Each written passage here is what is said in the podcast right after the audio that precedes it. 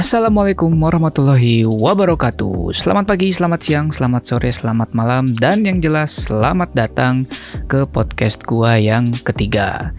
Jadi udah tiga podcast dan gua masih belum punya nama ya.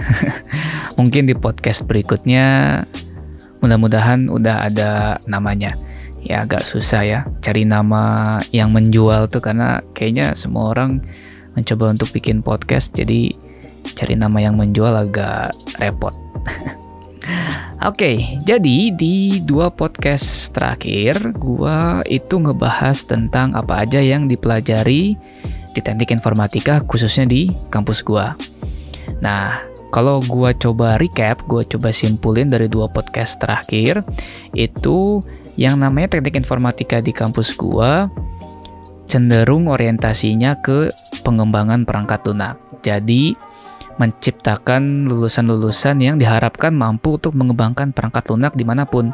Tapi kata kuncinya itu mengembangkan perangkat lunak dengan benar ya. Gak hanya cuman asal jadi. Ada beberapa ilmu-ilmu penunjang yang juga dipelajari di kampus gua kayak jaringan, perangkat keras, sistem informasi, dan multimedia yang diharapkan mampu membuat lulusan di kampus gua itu jadi pengembang perangkat lunak yang keren lah gitu ya istilahnya. Nah, di podcast yang kali ini gua pengen coba ngebahas tentang perbedaan-perbedaan prodi-prodi yang mirip dengan teknik informatika. Jadi kan mungkin kita pernah dengar ada yang namanya teknik informatika, ada yang namanya sistem informasi, ada yang namanya ilmu komputer dan lain-lain. Di podcast ini, gue pengen ngejelasin perbedaan-perbedaannya.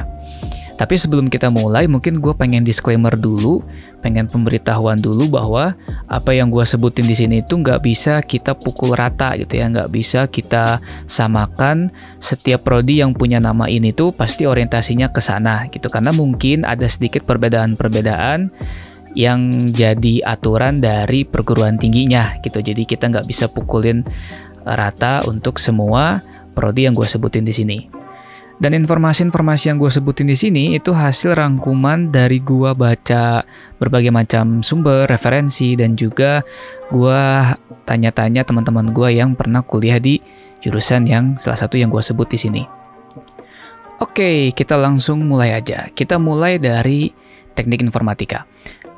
Kalau teknik informatika kan udah jelas ya, yang udah gue sebut berkali-kali bahwa teknik informatika itu orientasinya ke pengembangan perangkat lunak.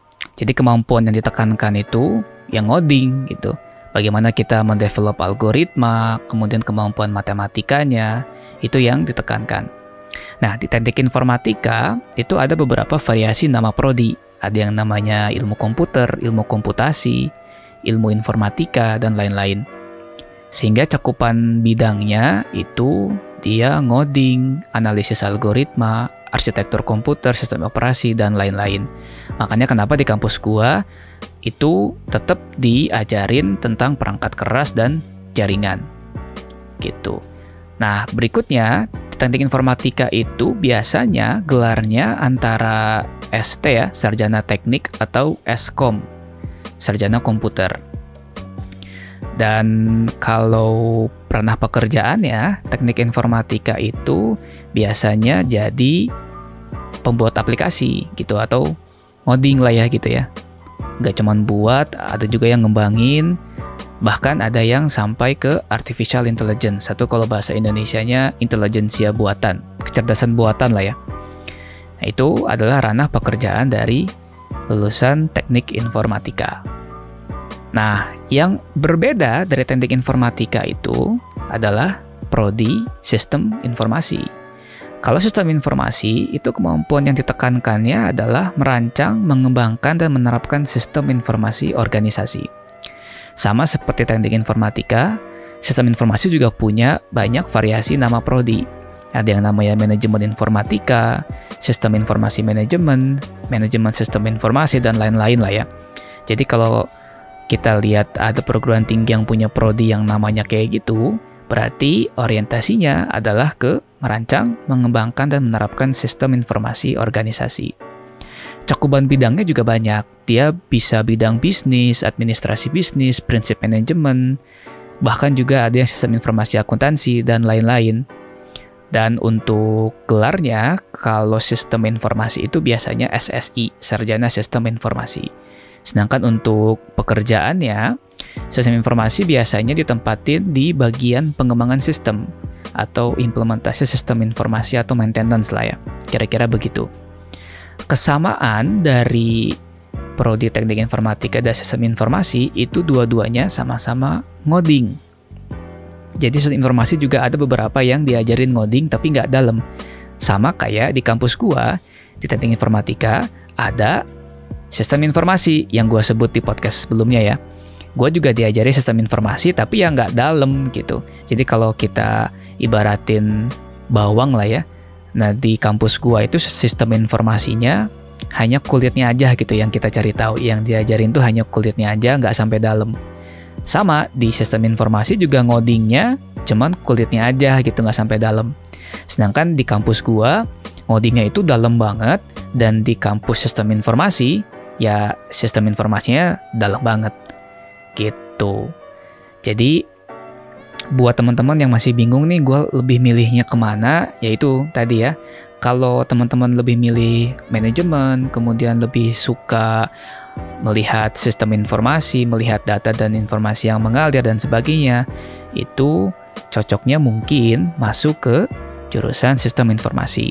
Tapi kalau teman-teman lebih senang mikir yang ngoding, yang algoritma, yang runut, yang matematis, itu mungkin prodi yang cocok adalah teknik informatika. Gitu ceritanya teman-teman. Jadi jangan jangan keliru lagi ya untuk ke depannya karena dua prodi ini agak berbeda. Gitu. Kalau di kampus-kampus lain ada nama yang mirip-mirip ya, gue yakin orientasinya nggak akan jauh beda gitu. Akan tetap di koridor yang tadi gue sebut. Gitu. Oke, mungkin untuk podcast kali ini cukup sekian aja kali ya. Sebenarnya gue nggak pengen podcastnya panjang-panjang karena takutnya orang-orang bosen dengerinnya apalagi kalau kontennya yang serius kayak gini gitu. Nanti mungkin akan ada podcast-podcast yang durasinya agak panjang, tapi gue pengen kontennya itu menarik sehingga orang nggak bosen dengernya. Dan seperti yang gue bilang di awal-awal, gue pengen podcast ini juga nggak cuman gue sendiri, tapi nanti gue juga coba undang teman-teman gue, kita coba ngobrol-ngobrol bareng tentang topik-topik yang mudah-mudahan menarik buat disimak gitu. Oke, cukup sekian podcast gua kali ini. Sampai bertemu di podcast-podcast berikutnya. Gua Arya Bisma. Wassalamualaikum warahmatullahi wabarakatuh.